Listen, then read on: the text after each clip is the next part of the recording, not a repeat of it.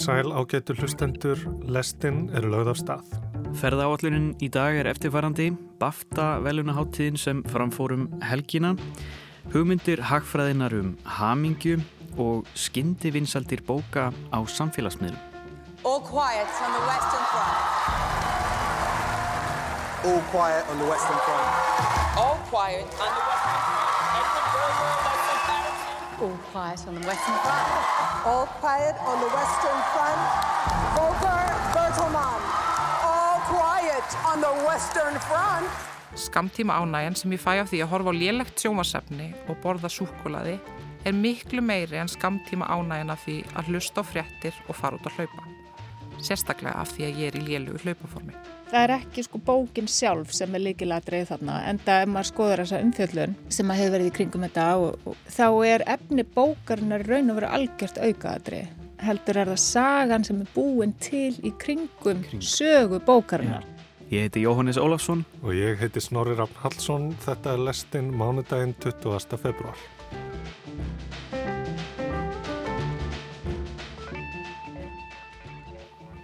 Við byrjum lestina í dag á kveikmyndum.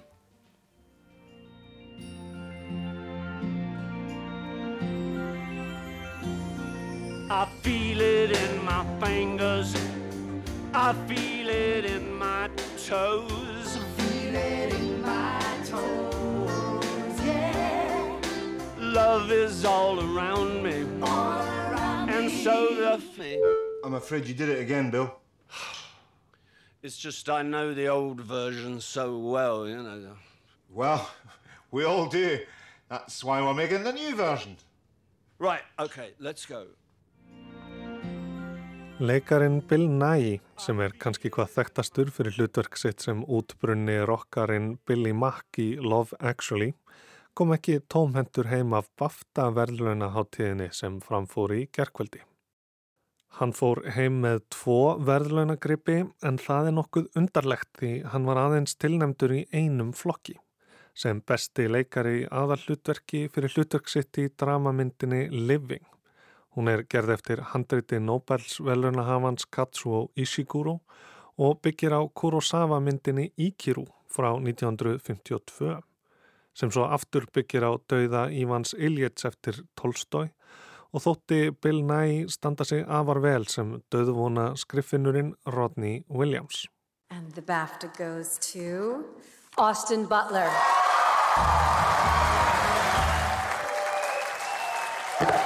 Wow, this is, this is truly extraordinary. Um, I thank you all so much. Thank you, BAFTA, for this tremendous honor. To my fellow nominees, I'm, I'm in awe of you. Eins og við heyrum þá var besti leikarinn að þessari 70.70 baftaháttíð ekki Bill Nye. Það var Austin Butler sem hrefti velunin fyrir hlutverk sitt sem Elvis Presley í æfi myndinni Elvis. En hvers vegna fór Bill Nye þá ekki tómhendur heim? Jú, hann hafði einfallega mætt með velunagripina 2 sem hann vann árið 2004 fyrir auka hlutverki í Love Actually og aða hlutverki í sjónvastáttunum State of Play hann síndi gull grímurnar á rauða dreglinum. En því miður getur Bill Nye ekki leikið samaleg á Óskarsveljónunum sem veitt verða í mars. Þau hefur hann aldrei unnið og á þar af leiðandi engar gullstittur til að taka með sér. Kanski er brandarinn líka bara búinn en það er aldrei að vita. Nye er tilnemdur í sama flokki fyrir sama hlutverk á Óskarnum og á BAFTA.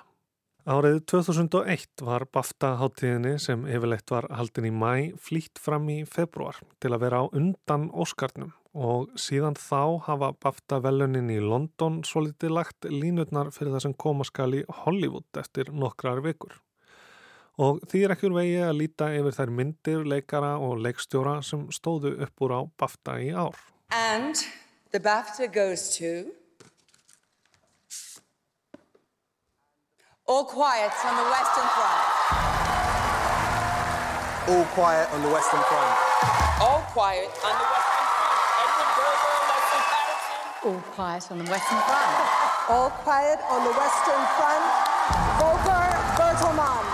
All quiet on the Western Front. Eins og við heyrðum er ótvíræður sigurvegari bafta þetta árið All Quiet on the Western Front, framleitt af Netflix og í leikstjórn Edvards Berger.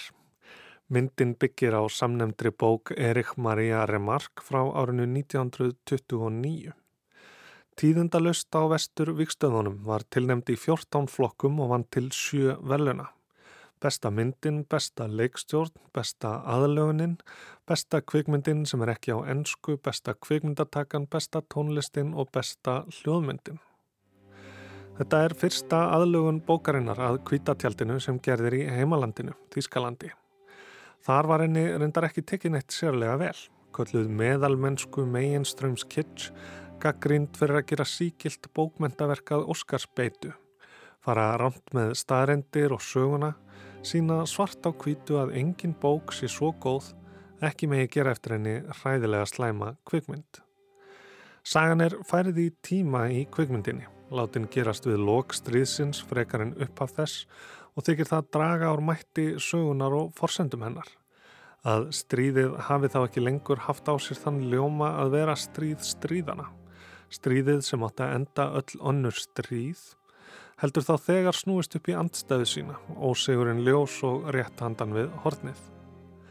En viðbröðin hið vestra eru þó flest á hinvegin, ekki bara þykir kvikmyndin einstaklega vel gerð, mikið sjónaspil fyrir augað og hverki dreyið undan í því hvernig skotgrafar hernaður fyrir heimstyrjaldarinnar var, heldur talar hún inn í samtíman.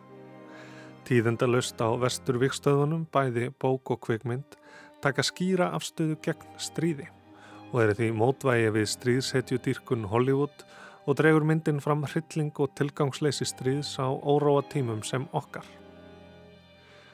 Myndin hefst árið 1917 þegar þrjú ár eru síðan fyrir heimstyrjöldin hófst skráir hinn 17 ára Paul Bäumer sig í Þíska herin á samt félögum sínum Albert Kropp, Franz Müller og Ludwig Behm.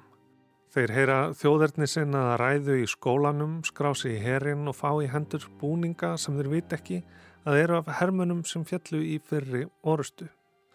Þeir eru sendir til norður Fraklands og kynastar eldri hermanni Stanislaus Kat Kaczynski sem verður nokkus konar föðurýmynd þeirra. En romantískri sín þeirra á þetta stríð er splundrað af veruleika skotgrafar hernaðar þar sem allt er komið í lás. Ludvig lætur lífið strax fyrsta kvöldið. Það er orustur sem þeir heia í kjölfarið verðast litlumáli skipta. Það er fá engin nöfn, það er skila engum árangri. Þjóna þeim tilgangi einum að gera þeim kleft að draga andan einn dag en skítugir, blóðugir, særðir og þreyttir. Kvikmyndin leiðir inn fleiri sjónarhorn en bara það sem byrtist okkar unga og saklausa Pól í bókinni en í báðum útgáfum lætur hann lífið aðeins rétt áður en stríðinu líkur. En eins og Sudd-Deutsche Zeitung bendir á missir titillin örlítið margs í þessari nýju tólkun sem er öllu tilfinningasamariðan upprunalegi efniviðurinn. Remark skrifaði í flötum og köldum tón.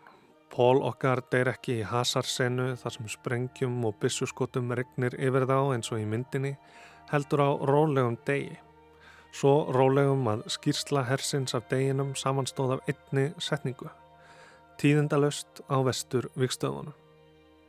En engu að síður hafi Netflix og kvikmyndagerða mennir ætlað sér að slá í gegn í Hollywood þá hefur það svo sannarlega gengið eftir.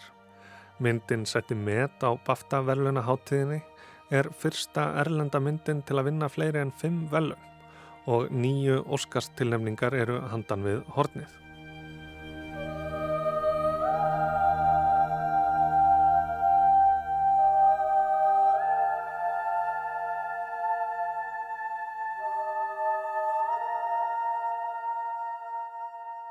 Stríð kemur einni við sögu í Banshees of Inisherin í leikstjórn Martin McDonagh sem fekk líka mikilvægan meðbyr inn í komandi verðlunatíð.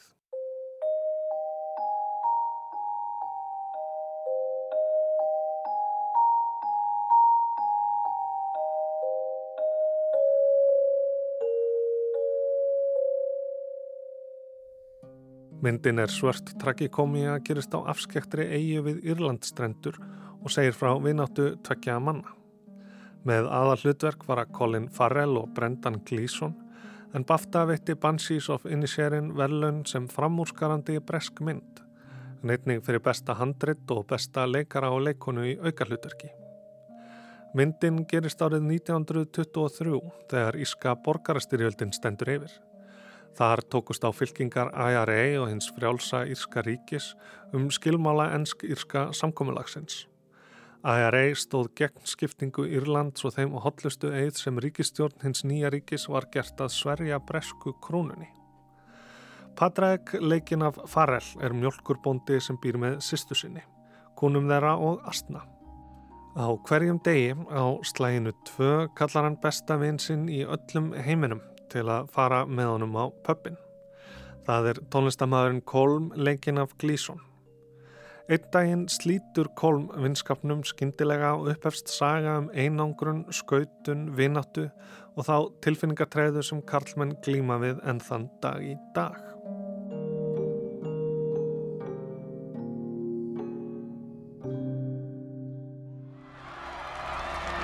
So I want you to know those New York people ain't gonna change me none.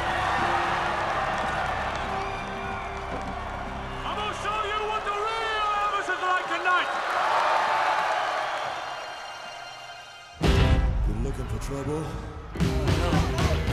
you came to the right place. You're looking for trouble, just look right in my face. I was born sing up and talking back. Elvis, en einn smellurinn úr smiðju Bas Lurman sem færði okkur Romeo plus Julia, Moulin Rouge og The Great Gatsby vann einnig til fjögura veluna. Eins og áður segir hlaut Austin Butler velun fyrir tólkun sína á konginum en leikaraval, búningar, hár og förðun unnu einnig til veluna. Æfisögulegar kvikmyndir um tónlistarfólk eru svo sem ekki nýjar af nálinni. Það má segja að þær hafi orðið að listformi útaf fyrir sig með Ray, þar sem Jamie Foxx leik Ray Charles árið 2003 og Walk the Line, þar sem Joaquin Phoenix tólkaði Johnny Cash, hún kom út tveimur árum síðar. Þegar vel tekst til fanga þessar myndir kjarnar viðfangsefnisins, endur skapa góðsagnakent augnableik og kynna tónlistina nýjum kynnslóðum. En það er halvpartinn skilda að taka einnig fyrir floknari hliðar personana sína það sem ekki endilega hefur verið rætt. Bas Lurman tekur þann póli hæðina að draga fram áhrif tónlistar svartra á rokkið og rólið sem tóka heiminn með stormi þegar Elvis skust upp á stjörnuhiminin og hann segir söguna frá sjónahortni Skurksins og umbóðsmanns Elvis Colonel Tom Parker, leiknum af Tom Hanks. Sjónarspilið sem Lúrmann er þekktur fyrir færa að njóta sín og enginn fyrða að velunin hafi verið veitt fyrir alla samfestingana, glimmerið, glamúrin og glísið. So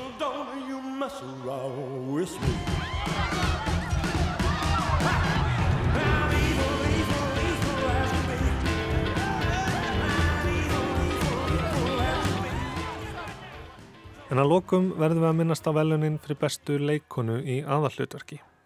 Velunin hlaut Kate Blanchett fyrir hlutverk sitt sem hinn valdsmannslega hljómsveitarstýra Lydia Tarr í Tarr eftir leikstjóran Todd Field. Tarr ræðst ekki á gardin þar sem hann er legstur, sínir konu í stöðu hljómsveitarstjóra, hlutverk sem nánast engungu karlar hafa gengt í gegnum tíðina. En Tarr snýr líka upp á kynja hlutverkinu þar sem Lydia er ásökuð um kynfærisofbeldi aðeins örfáum dögum fyrir upptökur á stórverkinu 5. sinfoníu Malers. Þar talar því líka inn í samtíman Me Too slaufunar menningu og þess áttar Lydia rekst úr starfi og endar í Philips eigum. En þegar hún tók á móti velununum vakti Kate Blanchett máls á öllum þeim konum sem einnig voru tilnefndar. I likewise didn't um, prepare anything because it's been such an extraordinary year for women. I mean, as you've seen in those clips. Þetta hefur verið ótrúlegt ár, samtalið okkar á milli hefur verið ótrúlegt og eins og þið vitið er það bara toppurinn á ísjakanum. Á hverju ári eru sérstakar og merkilegar framistöður sem brjóta niður þá góðsögnað upplifun hverna sé einsleitt. Remarkable performances just break down the uh, myth that women's experience is monolithic. Sæði Blanchett. Eftir aðtöfnina bætt hún við að Lydia Tarr gæti ekki verið fjarrri hennar eigin reynslu, en það væri kannski þess vegna sem hún tengdi svo við aðstæður hennar. Tarr væri meira en persóna, hún væri komin að endarlokum ferilsins og að nálgast 50. Sjálf væri Blanchett komin yfir þann hjalla og hefði fengið tækifæri til að gera nöðsynlegar breytingar til að halda áfram.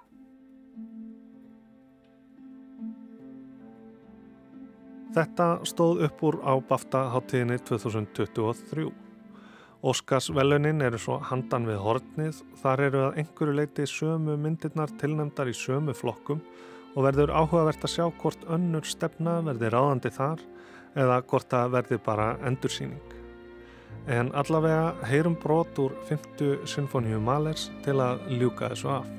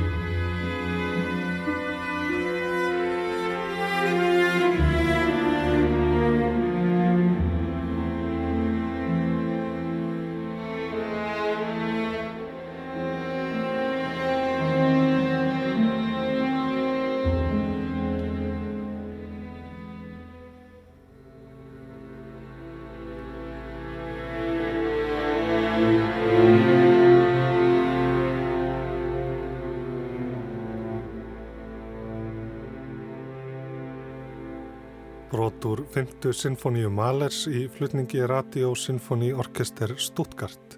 Hljómsveitastjóri var Roger Norrington, Karlmaður að sjálfsögðu. Verkið er vegamikið í kvikmyndinni Tar sem Kate Blanchett fekk baftaverlun fyrir sem besta leikona í aðallutverki. Tíðindalust á vesturvíkstöðunum var þó ótvíraður segurvegari háttegarinnar, 148 mínútur af skotgravarhernaði. Hressandi. En úr listinni yfir í fræðin, Guðrún Svavarstóttir, doktorsnemi við Hagfræði deild Háskóla Íslands, flytur okkur nú fyrri pistilsinn af tveimur um það hvernig Hagfræðin sér haminguna. Hvað skiptur okkur máli? Af hverju kjósum við að gera þetta en ekki hitt? Er það af því að gera okkur hamingisum eða er það af því að þetta er það sem við eigum að gera? Fyrir mitt leiti þá skiptir fjölskelda mín með máli, umhverfið skiptir með máli, fólki mitt og fólk almennt skiptir með máli. Þetta drýfur mig að miklu leiti áfram í því sem ég geri. Ég gerir mitt besta að vera góð við dóttur mína, foreldra mína, systur mína, mannin minn, köttin minn. Ég fæst við það sem ég fæst við dagstaglega þegar ég sit við tölvuna mína að skoða hversu mikilvæga tekjur eru fyrir hamingi fólks af því að mér finnst það skipta máli. Mér finnst skipta máli að komast að því hvað er satt og hvað er ekki satt. Mér finnst mikilvægt að skilja samfélagi sem ég bý í og ennfremur finnst mér skipta máli að við búum í sangjörnu samfélagi og við reynum á hverjum degi að búa til samfélagi þar sem öll fá tækifæri til að gera það sem við vilja gera og vera þau sem þau vilja vera. Ég vil búa í sangjörnu samfélagi. Ég er með siðferðiskend sem stjórnar mér að miklu leiti en síðan ger ég líka bara hluti af því mér langar það og mér líður vel þegar ég gerir það. En ég er bara einn og við erum mörg. Svona haga ég mér að hugsa en hvernig haga aðrir sér að hugsa? Hvað er almennt það sem drýfur fólk áfram? Af hverju gerir fólk það sem það gerir? Hagfræðingar hafi gegnum tíðina svarað þessu á eftirfarandi hátt. Við erum öll einstaklingar sem leytast eftir því að hámarka neytjar sínar. En hvað þýðir það eiginlega? Til að byrja með þurfum við átt okkur á því hvað neytjar eru. Neytjar sem á ennsku kallast utilities er hægt að rekja til heimsbyggingarna Jeremy Bentham og John Stuart Mill. Nýtjar eru mæleining á velferð, hversu gott við höfum það. Þeimun meiri nýtjar, þeimun betra höfum við það. Nýtjar eru náskildar hamingju en ná utanum aðeins meira eins og ég skilðar. Hugmyndin er að hægt sé að meta allt og mæla á nýtjaformi og það sem meira er að við gerum það stöðugt, oftast ómeðvitað. Þegar ég tek ákverðnum það hvort ég að hafa falafel eða pasta í kvöldmatinn þá vel ég það sem gefur mig meiri nýtjar. Þetta er ekki bara spurningum það hversu ánaði ég verð á meðan ég borða matinn af því að þetta er ekki bara nautnaútreikningur. Ef þetta væri nautnaútreikningur þá myndi ég hafa pítsu í matinn á hverju kvöldi. Útreikningarnir eru flóknari af því það spila margt inn í þessa ákverðun. Það skiptir auðvitað máli hvort að mér finnist falafel eða pasta betra en það skiptir mig líka máli að borða fjölbreytt. Ef ég borðaði pasta í hátteginu þá vil ég frekar borða falafel um kvöldið. Mér grunnar líka að það sé aðeins hotlar að borða falafel og ég vil gera það sem er gott fyrir mig. Síðan skiptir mig máli hvað er til í ískapnum. Ef ég á mikið af græmmiti sem liggur undir skemdum þá vil ég velja þann rétt sem minga líkunar á því að ég hendi græmmitinu. Ákvörðun mín um hvort ég hafi falafel í kvöldmatin stýrist líka því hvort hægt sé að fá falafel í búðinni sem er ekki framleitt á hernumdun svæðum palestinumanna. Það skiptir margt máli þegar ég ákveð hver í matin og þetta telur allt inn í heildanitjarnir sem ég fæja því að hafa annarkvort falafel eða pasta í kvöldmatin. Svona ákvarðanir sem tekur oft bara nokkur sekundubrót að taka tökum við á hverjum degi. Við höfum hugmyndum hvað er gott fyrir okkur, hvað gerur okkur hamingjusum og hvað hjálpar okkur að lifa því lífi sem við viljum lifa.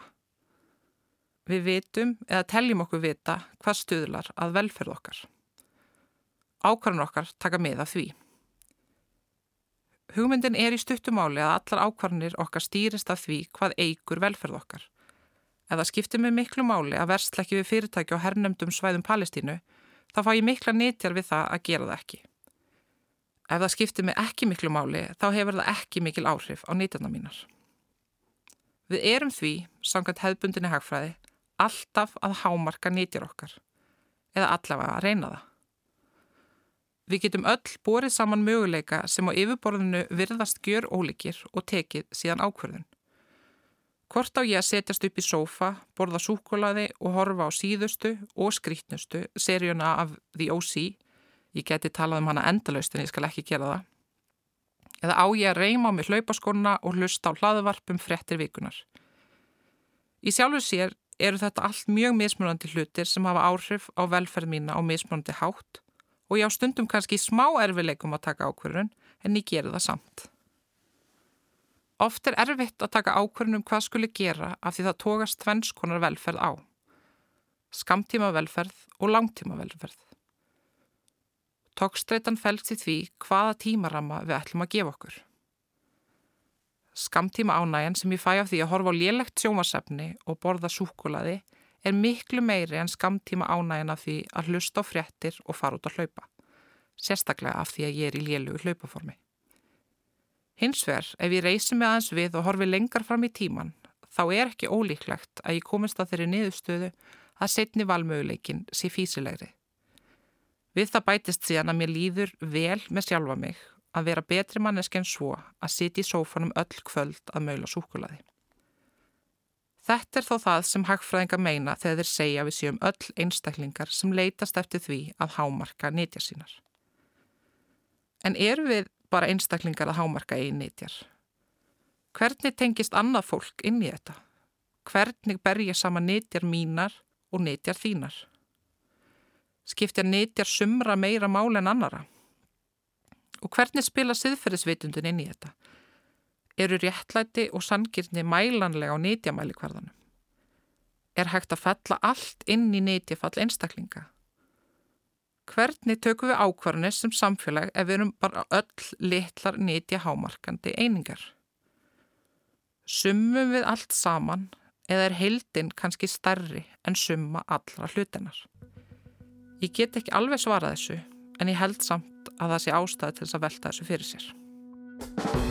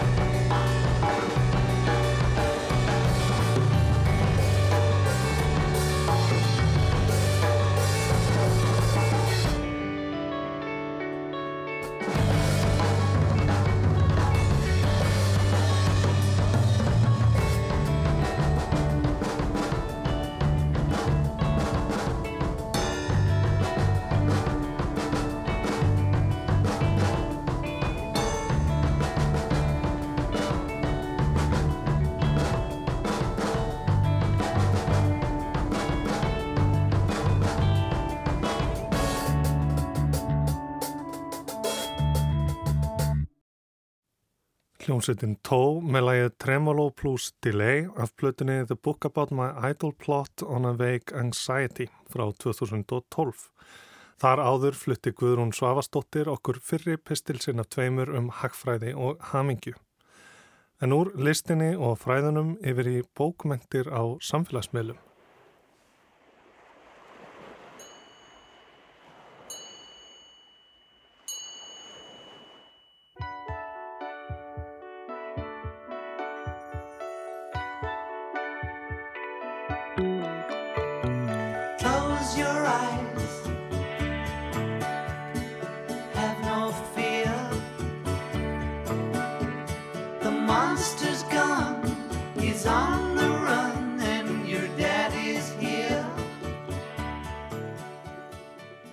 2012 kom út skáldsagan Stone Maidens eftir bandarískari töfundin Lloyd Devereaux Richards. Hún náði þó ekki miklu flugi, komst aldrei inn á neina metsölu lista og vakti ekki mikið umtal. Þetta var fjórum árum áður en samfélagsmiðlinn TikTok opnaði sínar flóðgáttir en það var einmitt vegna þess miðils í síðustu viku sem bókin liftist upp í skíin. It's getting better and better.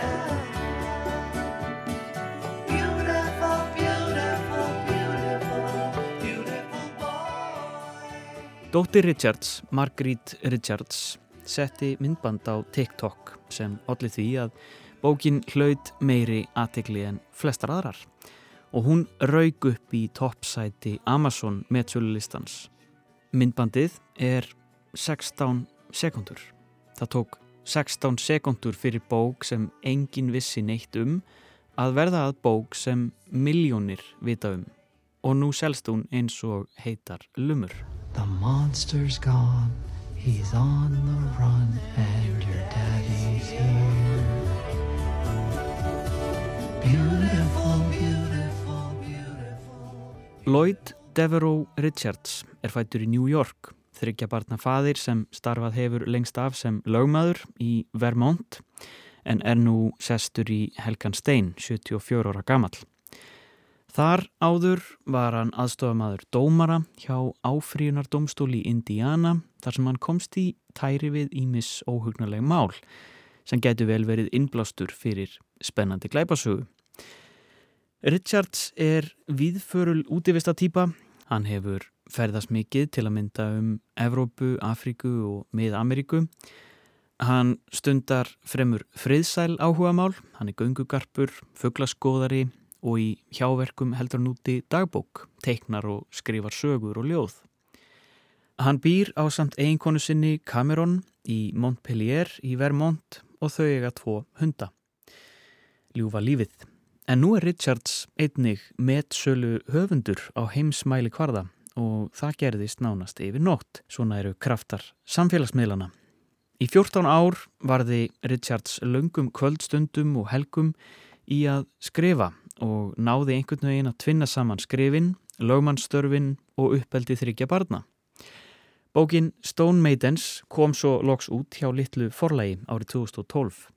Þetta er spennusaga, thriller stendur utan á kápunni sem fjallar um FBI fulltrúan Kristín Prúsik sem reynir að fletta ofan af skjelvilegum raðmorðingja sem skilur eftir sig blóðu að slóð glæpa. Verksummerki morðingjans koma Prúsik á sporið en um leið flækjast þau saman við fortíð sjálfurar lögurglukonunar sem rannsaka málið.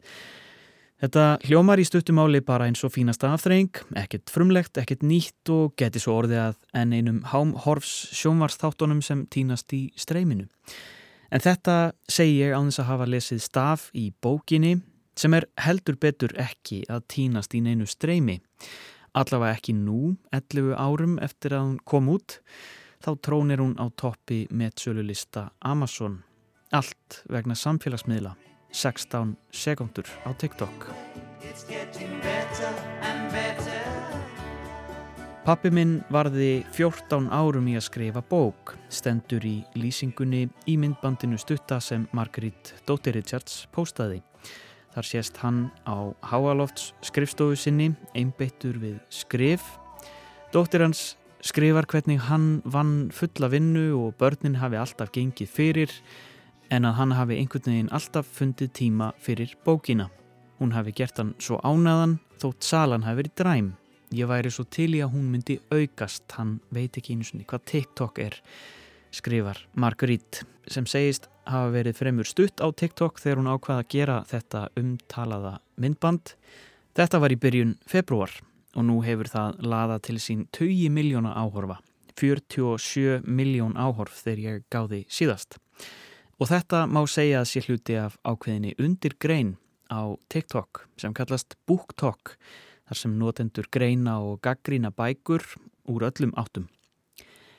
En Richards komin á áttræðis aldur skilur ekki alveg hvernig samfélagsmiðlar virka en gerir sér nú fullilega grein fyrir skindilegum vinsældum og að þetta sé nú allt yfir þyrmandi. Undarfarnar vikur hafa þau feðkinin skiljanlega varla undan að svara skilabúðum og viðtalsbeðnum. All right, this is the TikTok account I made you. It's not on Instagram, it's TikTok. And their video I made of you got 15 million views. Oh my gosh. Do, do I touch it? Here, let me show you. So let me. All right, look, look at all these comments. You should read some of the comments. They're so lovely. If you tap this button right here, you can read through some. Isn't that nice? Because of them, you're number one serial killer thriller.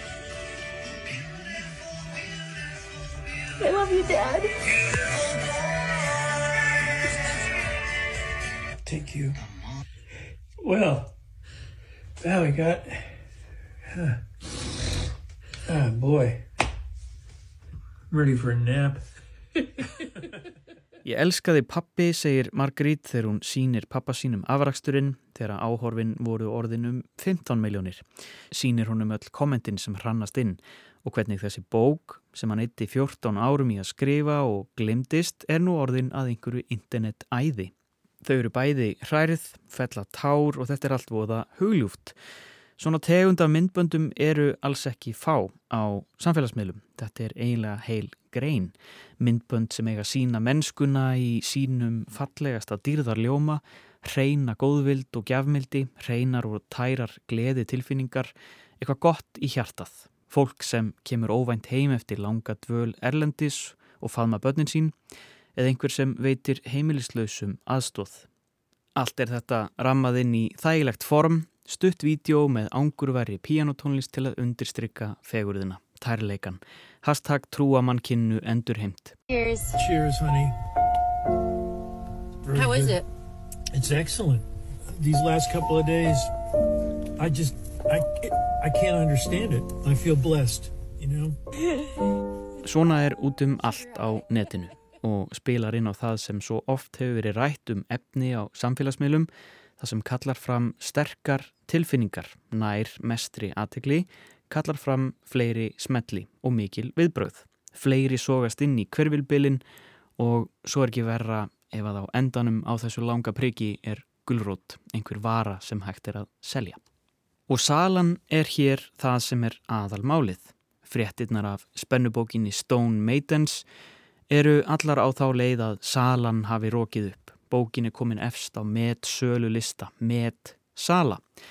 Það er eitthvað svo mikið keppnis við þetta. Hún er að slá met, allir er að kaupa. Alltaf þú ekki að kaupa? Þegar að bækur rata á svona stóra sölu lista hefur það ákveðina vikt og hefur ákveðinu völd. Þegar lesklúpur Ópru Winfrey mæli með bók þá hlusta miljónir og hugsa fyrst Ópra segir það, þá hlýtur þessi bók að vera góð. Og svo er það metsölulistar eins og New York Times og Washington Post og svo framvegis. Marguerite Richards sjálf, dóttir höfundarins sem sá auðmur á pappa sínum sem af sinni hjarta gesku og dugnaði náði að stunda fullavinnu, sinna fjölskyldinni og áhugamálum sínum en hefur ekki uppskorið eins og henni fannst hann eiga skilið, segir í TikTok myndbandinu getur við ekki aukið söluna fyrir hann. Life is what happens to you while you're busy making other plans. Beautiful, beautiful, beautiful, beautiful. Stella Sofía Jóhannisdóttir, verkefnastjóri útgáfi hjá Storytel og framkvæmtastjóri bókmyndaháttíðar í Reykjavík. Vertu velkomin um borði í lestina. Takk fyrir. Ég fekk þið hingað til þess að uh, já, ræða svona þessi kunnulegu stef þegar að hlutir verða svona skyndi vinsælir, uh, fara væral eins og maður segir. Og mér langar að spyrja það út í bókmentir á samfélagsmiðlum uh, því að það virðist að vera einhvern veginn mikið um bókmenta umfjöllun á til dæmis YouTube og TikTok uh, TikTok er með sitt hérna, uh, sérstaklega svona undirlendi sem kallast BookTok það sem að fólk er að deila uh, sínum hugsunum um, um bækur hvernig, hvernig eru samfélagsmiðlar í, í bókmenta umræðinni að þínu mati? Já, mér finnst að vera frábær viðbót í viðbókmynda umræðu og það sem er náttúrulega sérstaklega kannski skemmtilegt er að hérna, við þessa samfélagsmiðla og bókmyndaumræði er að það get, geta allir lagt eitthvað til málana. Þetta er mjög svona frjór, eða getur verið mjög frjór vettvangur þar sem fólk getur skipst á skoðunum eða bara, þú veist, sagt frá upphólsbókunum sínum og það er ekki, sko, það kemur ekki endilega ofan. Mm -hmm. Þú veist, þetta er fólki sem er að lesa bækurna, sem er að segja hvaða, hérna, hvaða bókum þeir hrýfast mest af. Uh, og það kannski, ef maður skoðar TikTok eða BookTok sem ég gera nú alveg oft, mér finnst það mjög skemmtilegt mm -hmm. og svona sjá hvað er heitast eða, eða hvað, er, já, hvað er mest verið að lesa þá finnst mér sko, reyndar er þetta oft sömu bækunar, það er koma svona, já hvað kallar maður það einslög eftir einslög, það sem er hérna, það, það sem þú sér sko alltaf tíu sömu bækunar, þetta eru tíu bækunar sem að höfðu mest áhrif á mig eða bara þessar bækur eða fimm bækur sem að ég vildi ætti eftir að lesa. Svona listar. Listar og mm. svo er, er hérna kápan sínd og þetta er bara mjög skemmtilegt og þessar bækur hafa greinilega mjög mikil áhrif á þá sem lesa mm. og það finnst mér æðislegt að því að hérna, bækunar eiga hafa áhrif á okkur og, og því meiri sem áhrifum verða því betra. Mm -hmm. Og líka þegar maður sér þetta að þá, eða þegar maður horfir á þetta og svona þá kannski þá hefur maður ekkert sérstaklega miklar áhyggjur af bóklastri allavega í allavega hjá þessu fólki, þú veist, þarna mm. eru greinlega allir að lesa mm -hmm. og svo sína sínir þetta fólk heima hjá sér og það eru bara bækur upp um alla veggi sem er frábært líka Já, og nota bækurnar sem húsmunni og, og svona skraut og, og svona heimilisbókasapn e, annar, sko, annar umræða sem er gaman að fylgjast með á samfélagsmiðlum, það er til dæmis bókagull á Facebook þar sem er, náttúrulega íslenskur hópur mm. og, og hérna þar, get, veist, þar kannski poppa stundum upp einhverja bækur, þú veist, hei hafið lesið þessa hérna og svo er nefnd einhver gömul bók og þá kannski fara allir að leita henni ég er ekki að segja ja. að það springi út eins og þessi tildakna bók Nei. en maður getur alveg svona fylst með því og fólk fyrir að leita að henni Já, það verður einhver svona, svona heit umræða um eitthvað sem eh, virkar svolítið eins og þrjum úr heiðskjurlofti eða svona eitthvað óvænt og það er kannski það sem fólk er svolítið mikið að leita að á samfélagsmiðlum það er þetta eitthvað sem er nýtt og óvænt og, og svona óvenjulegt jáfnvel. Já, eitthvað sem þú kannski eitthvað sem hafi farið fram hjá þér Já. eitthvað sem þú hafi mistað og það, einmitt, það þarf ekki að vera alveg nýtt en kannski nýtt fyrir þér. Já, einmitt Akkurat og, og þessi náttúrulega tiltekna bók sem að, sem að ég var að fjalla um hérna, hún, hún er 11 ára gömul en það er eitthvað sem að grýpur fólk þegar að því er miðlað um, á samfélagsmiðlum á einhvern ákveðin hátt. Hvað er það sem gerist? Ég meina, er þetta bara, er þetta bara ákveðina tegundir af bókum eða er þetta bara miðlinn sem býr til þetta hæp? Sko, það er, ég held að það sé ekki sagan sjálf það er ekki sko bókin sjálf sem er líkilatrið þarna en það er maður skoður þessa umfjöllun sem að hefur verið í kringum þetta og, og þá sko þá er efni bókarinnar raun og verið algjört aukaðatrið heldur er það sagan sem er búin til í kringum Kring. sögu bókarinnar Já. þannig að við viljum sjá sögu í öllu. Og þannig erum við komið með hugljúfa sögu. Mm -hmm. dótturinn sem að segir, ó pappi minn hann eitt öllum sem árum ég að skrifa bókina og veist, ég man ekki hvort að kom fram hann átti kannski ekki mikla peninga börn, hann hérna, setti börni sín í fyrsta sæti og vinnuna og svo var hann að svo var hann að vasast eitthvað í þessu. Here's a little behind the scenes of where my dad and I have been living for about a week. That's his chair and my chair and we've been doing all our interviews from here It's just been amazing. Honestly, thank you guys so much. Like we're we're really tired and we're like overwhelmed and we're just overjoyed too and so thank you so much en þú veist hversu margir rítvöndur teljum við að séu Já. í þessari stöðu og hversu margar bækur koma út í heiminum á hverju ári, eða bara á Íslandi ef við bara, mm. ef við mingum hérna, mingið okkar aðeins á, Ísla, á íslensku koma kannski út á bylnu, ég veit ekki 1500-2000 bækur ári, segjum.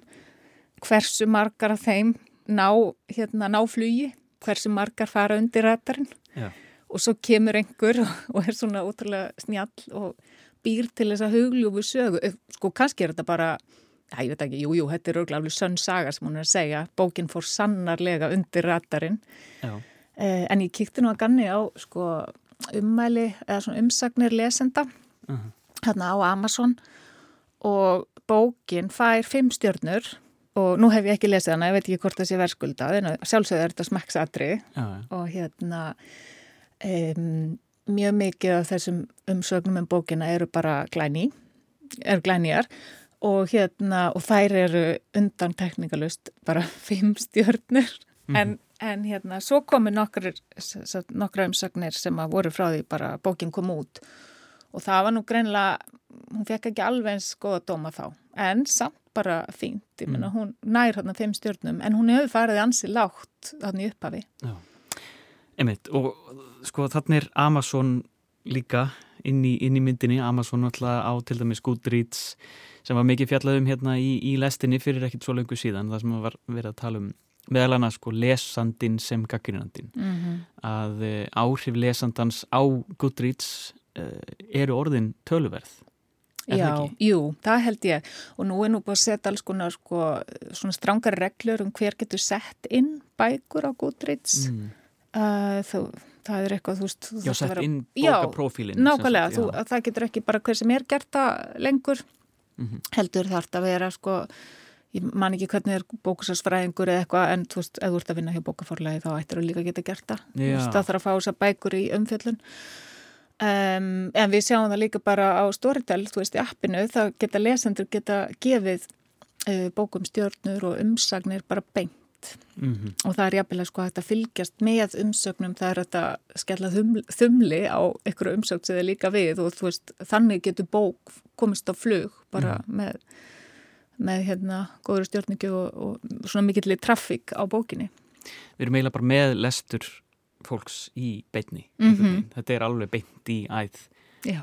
og það hlýtur að skapa nýtt umkörfi eða þegar, nú þegar búið að skapa nýtt umkörfi. Jú, ég held að, og svo sem líka bara sem eins og samfélagsmiðlar eða eitthvað þú getur verið að segja að bókin er í umræðu, þú ert þáttakandi í einhverju umræðu og ekki, ok, ef þú ert inn á einhverju samfélagsmiðli eins og, þú veist, eða ef þú ert inn á, inn á Amazon eða Goodreads eða eitthvað að gefa stjórnur eitthvað, þú ert ekki beinleginis í samræðu við eitthvað, en ef þú ert inn á, hérna, just eins og bókagull eða eitthvað, þá getur þú verið að diskutera bókinu ef þú vilt, svo langt sem það nær. Já, og, og hérna, lesringur. Já, ennast meiri lesringur, já. já. En svo er spurning með sko endinguna.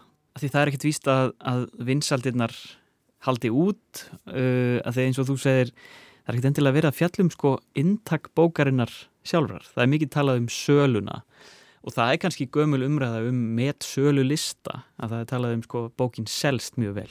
En það er kannski svona bara einn af mæli hverðunum sem við höfum til að mæla hvaða bækur eru góðar og hver er ekki. Þannig er sko þessi dóttir hérna, sem posta hún segir hérna, hann, hann áða að skilja það auka aðeins söluna veist, þetta er svona, manni finnst þetta einhvern veginn allt pínu svona leikrit.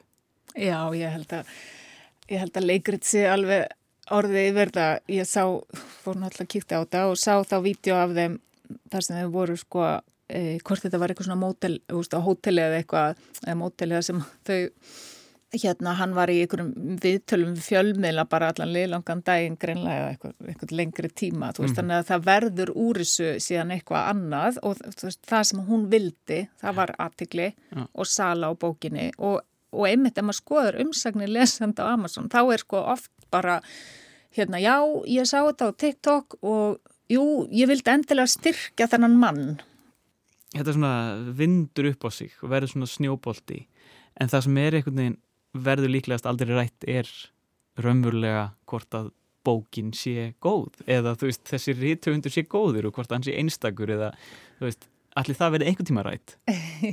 Já, það verður, sko, það verður potið rætt eftir mann, en kannski ekki á þeim miðli sem að hún valdi sér, eh, dóttirinn sem sagt.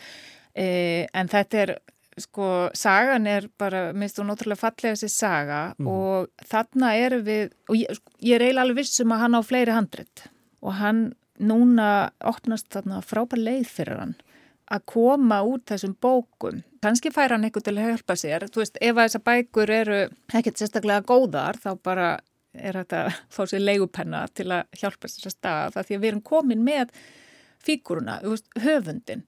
Og það verður svo auðvelt að kynna hann í framhaldinu og það var náttúrulega mæntalega sem að dótturinn var að, eða kannski það sem dótturinn var að pæli í, sko, að, að það væri síðan, veist, bygg, kannski býr eitthvað meira baki, sérst, að hún Já. er með, hann er með fleiri bækur og vil koma þeim út og, en hann er bara, virkar útrúlega svona að ég svona, svona sætu kall eitthvað að væplast hann í, út í garði og svo verður spilað hann að býtlalega undir og veist, bara Mhm. hjartnæmt er líkil orði og ég meina hver, hver myndi ekki vilja kaupa bók af þessum, þessum höfundi, þetta var eitthvað svo saman. Small flower stems and greens. Yeah. You too. You too. Are good. Nothing to waste. Where are we heading tomorrow? Ah, driving to New York City. En einhvern veginn á sama tíma útpæld uh, svona, já ekki markasherferð en svona auglýsing í leiðinni Já. og það er bara það sem að þetta allt saman er og, og, og hefur orðið á samfélagsmiðlum. En sko, maður getur ímyndað sér að því að það að bók slá í gegn þarf mjög marga þætti til að- að ganga upp. Og eitt af því er bara tilviljun eða hefni eða einhver stökkpallur sem að kemur úr ofantri átt. Þá hljóta, hljóta sko risa útgefundur bara til dæmis ef við tökum svona stóra metsölulista eins og Amazon eða New York Times eða eitthvað svoleiðis að verða pínu skúfaðir sko þegar að svona gerist. Og einhver bók bara rjúki upp fyrir 16 sekundna vídeo á, á samfélagsmiðli en, en það er kannski búið að vera vinna markvist að því að koma öðrum risa höfundum að inn á þessa lista. Þannig að þetta, er oft pínu bara tilvílin Jú, það held ég nú og hérna, en það segir okkur líka sko að ef að sagan er góð og þá hvor sagan sem er að þá hérna nær hún í gegn. En þú veist, ég veit ekki er þetta markasherferð hjá stóru forlægi, ég held ekki en, en hérna, það er hægt sko, ef maður fylgist með svona æ, hvað, hvað maður að kalla það, fanfiction? Aðdáðanda sögur. já, aðdáðanda sögur svona, að þær hafa til dæmis náð mikill útbreyslu og í sumum tilvikum þar sem að hérna, þú veist, það er bara einhver að skrifa og byrtir eitthvað á einhverju miðli. Það er til nokkuð sem heitir hérna Wattpad, minni mig, og þetta er kandist fyrir bara þú getur raun og bara skrifa sögur og þetta er bara svona pl- plattform í raun og veru bara fyrir hvert sem er. Þarna eru sko alveg bara ótrúlegur fjöldi höfunda að skrifa, penna og bara setja hann inn sögurnar sínar. Þú veist, það, jú, jú, það er eitthvað greitt fyrir þetta. Þú færði eitthvað að tekjur af þessu sem höfundur en þarna hafa þarna eru líka stóru forlögin að fylgjast með og grípa síðan þú veist, góðu höfundana eða góðu sögurnar og það hafa orðið til þú veist, þá, þá hafa orðið til sko samningar um útgafu hjá stórum forlögum eða jafnvel bara þú veist, kvikmyndasamningar eða sjónvarstáttasamningar eða eitthvað Mhm. þannig að hérna, ef að sagan þín einhver staðar kemst að Mhm. og ef hún er góð Já. og kannski einhver sem sér hana eða lesa hana Einmitt. Og þegar þú segir sagan, þá er það ekki bara sagan sem er inn í bókinni heldur sagan utanum, Mhm. um höfundin, um útgáfuna, Já. um tilurðina og svo framvegis. Það það er líka hluti af þessu. Já. Við erum alltaf einhvern veginn við erum alltaf að leita að sögum Mhm. bara í öllu kringum okkur og, og hérna og mér finnst þetta eitthvað svo fallegt dæmi um það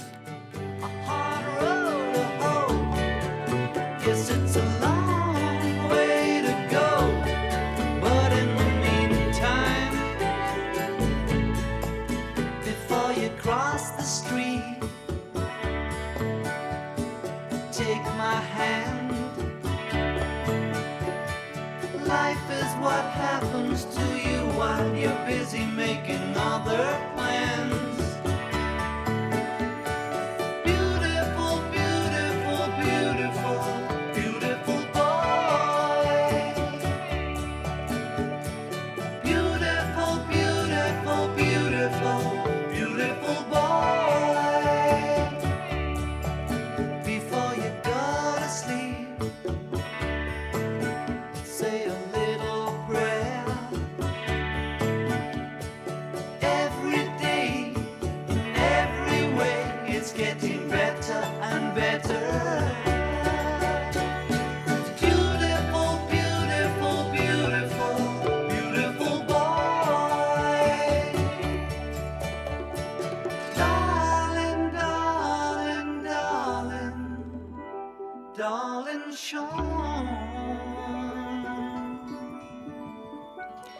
Beautiful Boy, Darling Boy. Þetta er lag eftir John Lennon og finnum á, á plötunni Double Fantasy frá 1980, hans allra síðasta stúdíoplata. En þetta lag er allt um líkjandi í sögunni af bók sem nú trónir á toppi meðsölu lista Amazon Stone Maidens eftir Lloyd Devereaux Richards. 11 voru gömul bók sem raug upp í sölu eftir að dóttir Richards setti myndband um skrif pappasins á TikTok. Myndbandið er 16 sekundur. Einu sinni var að talað um 15 mínútur af fræð, nú er þetta bara talið í sekundum. Stella Sofía Jóhannesdóttir, verkefnastjóri útgáfi hjá Storytel og framkvæmdastjóri bókmyndaháttíðar í Reykjavík sem kíkti við hjá mér.